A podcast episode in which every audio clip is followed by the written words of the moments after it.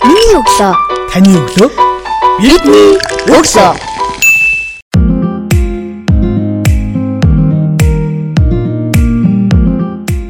Сонсогч танд шинэ 7 өдрийн өглөөний мэндийг хүргэе. Миний өглөө сурал подкастын 117 дахь дугаар танд хүрч байна. 117 7 өдрийн турш хамт байсан сонсогч танд баярлалаа. Бид энэ удаагийн дугаартаа түүх, кино сонирхогч мөнгөнтэй ярилцлаа. Бидний урилгыг хүлээж авч цаг зав зориулан ярилцах болсон танд маш их баярлалаа. За урьсан дэх баярлалаа. Таны өглөө хэрхэн яаж эхэлдэг вэ? Өглөө ер нь хүмүүстэй бүгднтэй л адилхан эхэлсэндээ нэг онц юм байхгүй. Өглөө босно, өөрийгөө үлдэн цайгаа уун тэгэл болж байгаа юм да. Өглөө босоод хамгийн түрүүнд дадал зуршил болсон хийдэг үйл танд бий юу? Хэрв тийм үйл байдаг бол та хамгийн түрүүнд юу хийдэг вэ? Аа ер нь ажилдаа явахаас өмнө нэг дасгал хийх ч юм уу эсвэл нөгөө бичиж гарах юмн дээр нэг жоохон суудаг ч юм уу өөртөө хэрэгтэй юм өөрийнхөө сонирхдаг юм дээр нэг жоохон цаг зарцуулахыг боддог. Тэгэхээр нөгөө ажил дээр очиод орой очиод хийнгээд бодчихоор бөө стресс тэгээд орой эргээд ирэхээр иш хүчгүй болцсон байдаг учраас өглөө бас тийм зүйл дээр цаг зарцуулах юм бол илүү их сэтгэл ханамжтай байдаг шиг санагдав. Та ажлын төлөлтөө юунд дэр хөтэлдэг вэ? Ааха тийм онлайн хэрэгслүүд ашигладаг. Хувийн ажил нийтлэлтэй холбоотой юм ер нь хобби энтертэй холбоотой одоо Google календар тэр бичиж явчихна. Ажлынхаа байдаг бол нөгөө project management tool, төслийн менежментийн өөр хэрэгслүүд тэр нөгөө бусад хүмүүстэй харагдах хэрэгтлүүд яа.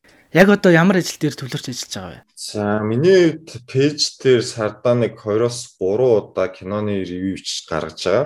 Тэгээд энэ хугацаанд бас жоохон холдоод ах шиг байдیں۔ Хүмүүс яав энэ кино гэж суугаад байдаг. Тэгэхээр бас нэг хажуугаар нь а YouTube channel хэлүүлээд тэгээд 7 хоногтоо бас 1 2 3 бичлэг юм уу арай ойр ойрхон хийж боломжтой зүйл бас оруулъя гэж шийдээд шинэ channel дээр ажиллаж байгаа. Хүнд байх хэвээр хамгийн чухал гурван чадварыг нэмлээч гэвэл та ямар гурван чадварыг сонгох вэ? Ааха энэ надад бас дутагддаг одоо чадварууд юм болов гэж бодогдоод байт юм л та. Эхнийх нь болохоор юмыг нэг арай олон талаас нь харах гэж оролдох, нөгөө хүнийхээ өнцгөөс харах ч юм уу тийм. Тэгээд одоо тэгжээж ингээд аа энэ хүн тэгээд байгаа маань ингээд байгаа гэдгийг бодоод тэгэхгүй бол ингээд нөгөө зөвхөн өөрийнхөө талаас хараадах юм бол зөвхөн өөрийгөө бодож байгаа зүйлийг хүсээд ингэж бусад хүмүүс сөрөс сэтгэлүүлдэг ч юм уу эсвэл нэг үр дүнтэй харилцааг үүсгэж чадахгүй ч юм байх юм болоо гэж санагддаг. За хоёр дахь нь болохоор бас илүү нөгөө нэг гадна дотны зүйл өнгөрсөн үе түүхтэй холбоотой зүйл бас их уншиж судалж явах хэрэгтэй болоо гэж санагдаад. Яа гэх юм бол нөгөө нарны дор шиний байхгүй гэдэг үг байдаг шүү. Тийм ингээд ер нь дэлхийд ч юм уу ингээд Монголд үүсэж байгаа нөхцөл байдлууд хүмүүсийн ярьж байгаа зүйлс тэр ингээд өмнө нь хаана ихтэй одоо 300 жилийн өмнө ч юм уу 2000 жилийн өмнө ч юм ингээд өөр нийгмүүдэд тохиолдож болж исэн зүйлс юм шиг санагддаг. Тэгэхээр тэр үед хүмүүс ямар зүйлсийг ярьж ямар шийдвэр гаргаж ирсэн алдаа оноотой байсан юм болоо гэж бас сонирхож хэрэгтэй болог санагдаад байна. Жишээ нь одоо нөгөө нэг Америк улс ч юм уу барууны өндөр хүчтэй орнуудад ч одоо ромтой харьцуулж ярьдаг эсвэл хятадын их мундаг мундаг гүрэнтэй харьцуулж ярьдаг. Тэгэхээр тэр үед хүмүүс энэ нийгэмд тохиолжсэн асуудлуудыг өөрсдөнд тохиолжсэн асуудлуудыг юу гэж бодож харж яаж шийдвэрлэх гэж оролдоод ямар алдаануудыг гаргаж ирсэн эсвэл ямар амжилт олж ирсэн болоо гэдэг бас сонирхож харж хэрэгтэй болоо. Тэгэхгүй ингээд өдөр болгоны л нөгөө нэг завгүй мэдээлэл энэ ирч дунд ингээд бас тэр нэг харах өнцөг гэдэг зүйл бас алдаад идэм болоо гэж санагдаад тийм. Тэгээд гурав дахь зүйл нь болохоор ер нь энэ зүйлсийг боддог мэдгийнхэн талд гадаад хэл бол зайлшгүй хэрэгтэй гэж санагдаг. Тэгээд миний хувьд англи хэлтэй тэгээд багадаас орсыг сурцсан болохоор нэг хоёр хэлээр мэдээлэл үлээж авах боломжтой байдаг. Тэгээд одоо л ер нь нөгөө хэлээ сайн эзэмшээгүй бол ингээд нэгдүгээр ангидаа ч юм хоёрдугаар ангидаа ороод ирсэн уншиж чадахгүй хүүхдтэй адилхан ингээд өөрийгөө бие дааж хөгжүүлэх, бие дааж судалгаа хийх, бие дааж юм харах боломжгүй болж байна гэсэн үг. Тэгэхээр гадаад хэлийг гурав дахь хамгийн чухал юм гэж нэрлэндээ. Би одоо хүртэл өөрөө нөгөө кино төр үзэх дуртай учраас солонгос хэлийг нь заавал сурах хэрэгтэй юм байна гэдэг солонгос хэл сурах гэж шийдээд байгаа. Ер нь юунаас иршвч урам зориг авдаг вэ? Аа, ер нь кино сонирхдаг хүн учраас гоё бүтээлээс ирч хүч авдаг юм. Гоё кино үзээд эсвэл их гоё хийсэн YouTube-ийн бичлэг үзээ. Тэрний гоё хийцэл юм уу? Гоё дэвшүүлсэн санаа тэр хийцийг нь хараад ингээд би бас нэг юм гоё юм хийх хэлсэн гэсэн юм. Одоо инспирэшн урам зориг авдаг. Тэгээд яг миний нөгөө яг бичлэг энэ төр хийдэг хүн биш болохоор зүгээр нөгөө нэг өөрийнхөө чадах зүйл буюу ингээд бичгтээ бас гоё юм хийх гэсэн гэсэн тэр нэг урам зоригийг тэр хүмүүсийн гоё бүтээлийг хараад олж авдаг.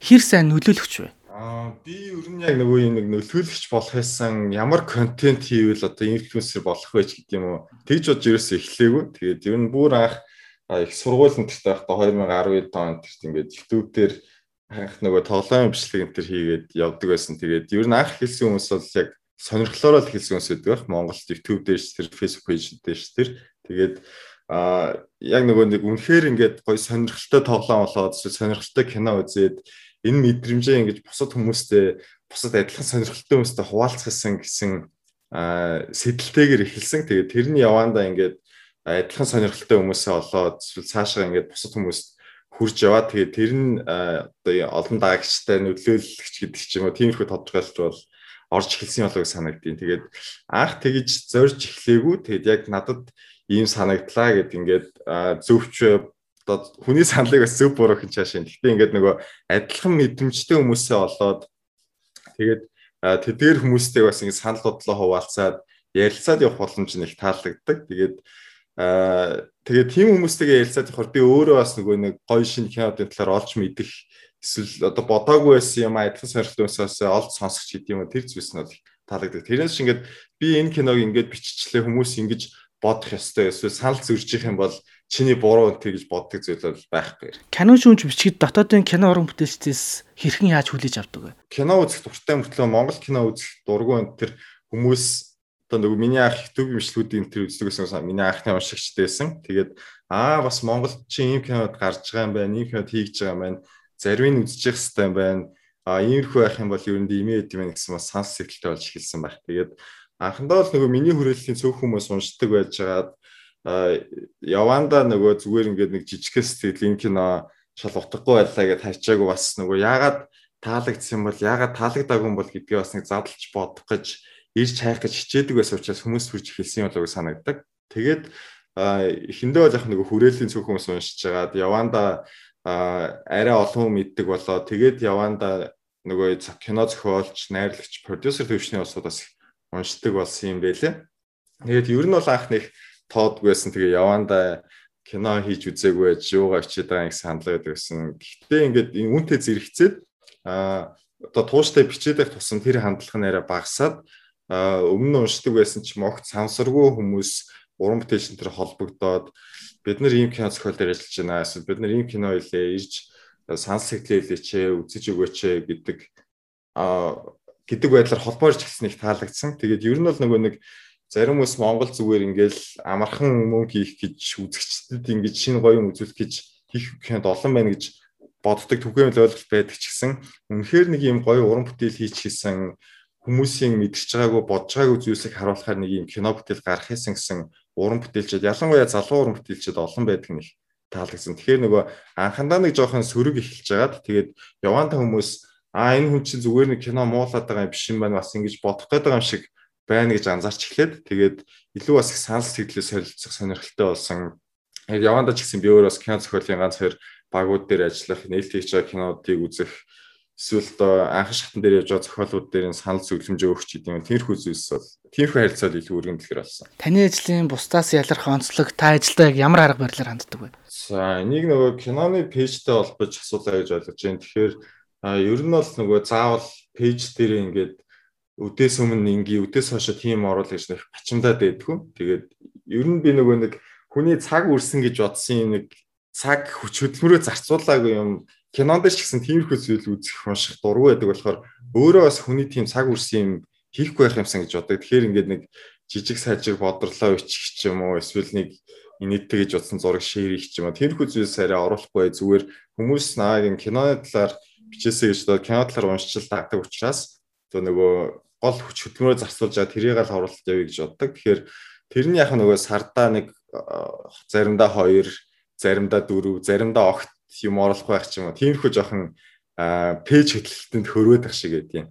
Тэгэхээр э, нөгөө нэг хэлэх юм уу, илэрхийлэх санаа байхгүй бол заавал нөгөө нэг хүмүүст харагдуулж цагийн үрсэн юм оруулахгүй байх гэсэн гэж боддог. Тэгэхээр ингээд оруулын үзүүлэх сонирхолтой санагдсан зүйл дээр л нийтлэлээ бичээд гаргая гэж боддог. Дандаа юм оруулъя гэхээс арай зайлс хийдэг. Залуусыг ямар байгаасаа гэж хүсэж байна. За түрүү ярьсан бас нөгөө өөртөө арай бас учир дутагдaltaй хангалтгүй байна уу гэсэн чадварууд маань л юм болоо да. Тэгээд эхнийх нь бол нөгөө юмэг арай олон талаас нь харах, бусад хүмүүсийн өнцгөөс харах э, гэдэг зүйлийг бас нөгөө нэг зөвхөн өөрийнхөө хүсэж байгаа зүйл өөрийнхөө бодлыг биш бусад хүмүүс бас яаж харж ин тэс өөр зүйл харна, тэс сонирхолтой өнцгөр харна бодож байгаагүй зүйлс хэлцгийг хэлдэг учраас тэр нь илүү анхаарсаа гэж боддог. Тэгээд хоёр дахь юм нь болохоор ингээд кинонд ч гэсэн ингээд энэ кино надад таалагдлаа эсвэл үзээд гойсон гэхлээр эсвэл үзээд нэг таалагдах байх юм бол ингээд таалагдлаа таалагдсан үгээд өнгөрөх биш.